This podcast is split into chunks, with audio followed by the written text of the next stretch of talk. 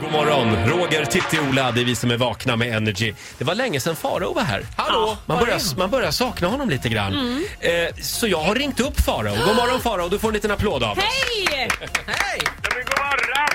Lever du? Ja, jag lever absolut, men som ni vet i sedvanlig ordning så är det så att jag får ju också ta hand om landet Ja. när det ska skannas av. Just det. Farao, du var på Idolfinal i fredags. Där gjorde jag en hel del intressanta iakttagelser. Bland annat Ja. så är det ju så här att Idol, så här, det är så himla mycket företag som går på det där. Det är ju finansierat av massa olika, Santa Maria och jag vet inte vad det var mer. Många sponsorer blir det. Det blir många sponsorer och det betyder att det var inflation av VIP-gäster. Varenda jävel hade det där guld-VIP-bandet på sig.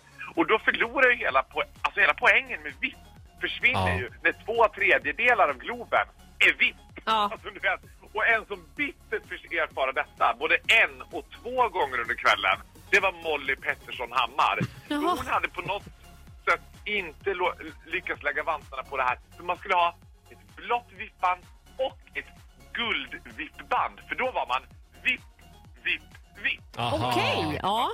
Det hade, hon hade bara det blåa. Åh. Ja. Skum Stackarn. om skum om skam. Men du vet den här känslan när, när vi kommer till Café Opera och kön, det är liksom en enda lång kö och alla de här former Idol-deltagarna tycker ju- alltså de kommer ju och tycker att så här, min bästa tid är nu. du vet. Mm. Går fra- före kön och bara, ursäkta, alltså jag har det här vippbandet och vakten bara, ja, det har alla i den här kön. Hej! Är det inte lite härligt också att, man, att så många får känna sig very important? Hela jävla poängen försvinner ju med att vara vipp om alla är vipp. Det är inte kul som andra. Du har ett otäckt elittänkande här.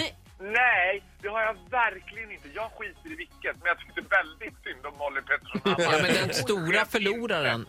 Den stora förloraren i det här är ju den som ska handskas med det, det vill säga vakterna. Det är ju de vi ska tänka på, hur de har Mm. det. Som det får här. ta så mycket skit. Ja. Tufft, Ja. verkligen. Farao, säg, säg nu vad du sa till mig när vi pratade om det här igår. Om, om Tilde de Paula. Ja, han... ja, men alltså Tilly Di Paula, the look upon Tilly Di Paulas face när hon inser att vinkön är längre än toakön. Ja. För att I den där VIP-loungen så var ju det... Alltså det var som en rysk brödkö. Stackars. Tilly Di Paula var på väg in i en psykos. Ja, stackars Oj, Tilde ja. de Paula som tvingades umgås med en massa vanliga människor. Ja. Mamma måste ha sitt vin. Mm. Ja. Inte, bara, inte bara till det, jag var också Ja. tvungen. Höben. Ja, pöbeln, gå hem! Men så här är det ju inte på Melodifestivalens efterfest. Den är helt omöjlig att ta sig in på. Men det är så det ska vara. Jaha. Det är det som är vitt. Man vill att det ska kännas lite Pentagon. Att det är så här, Mm.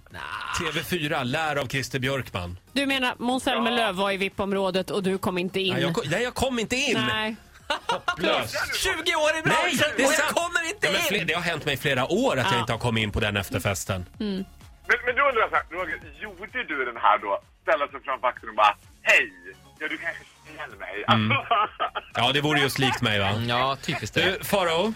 Kan du komma hem till Stockholm igen? Jag är så trött på att prata i telefon med dig nu. ja men nu börjar jag trivas här i Göteborg faktiskt. Det är ganska gött. Hälsa Glenn. Ett ögonblick bara. Anton, gå in i... Ja, Anton Hysén här på hotellrummet bara. Han håller på Jodå. hela tiden och- Ja, ja. Säkert. Hälsa honom också. Eh, du får en applåd av oss Farao. Puss och kram! Hej, hej! Ja, puss, hej.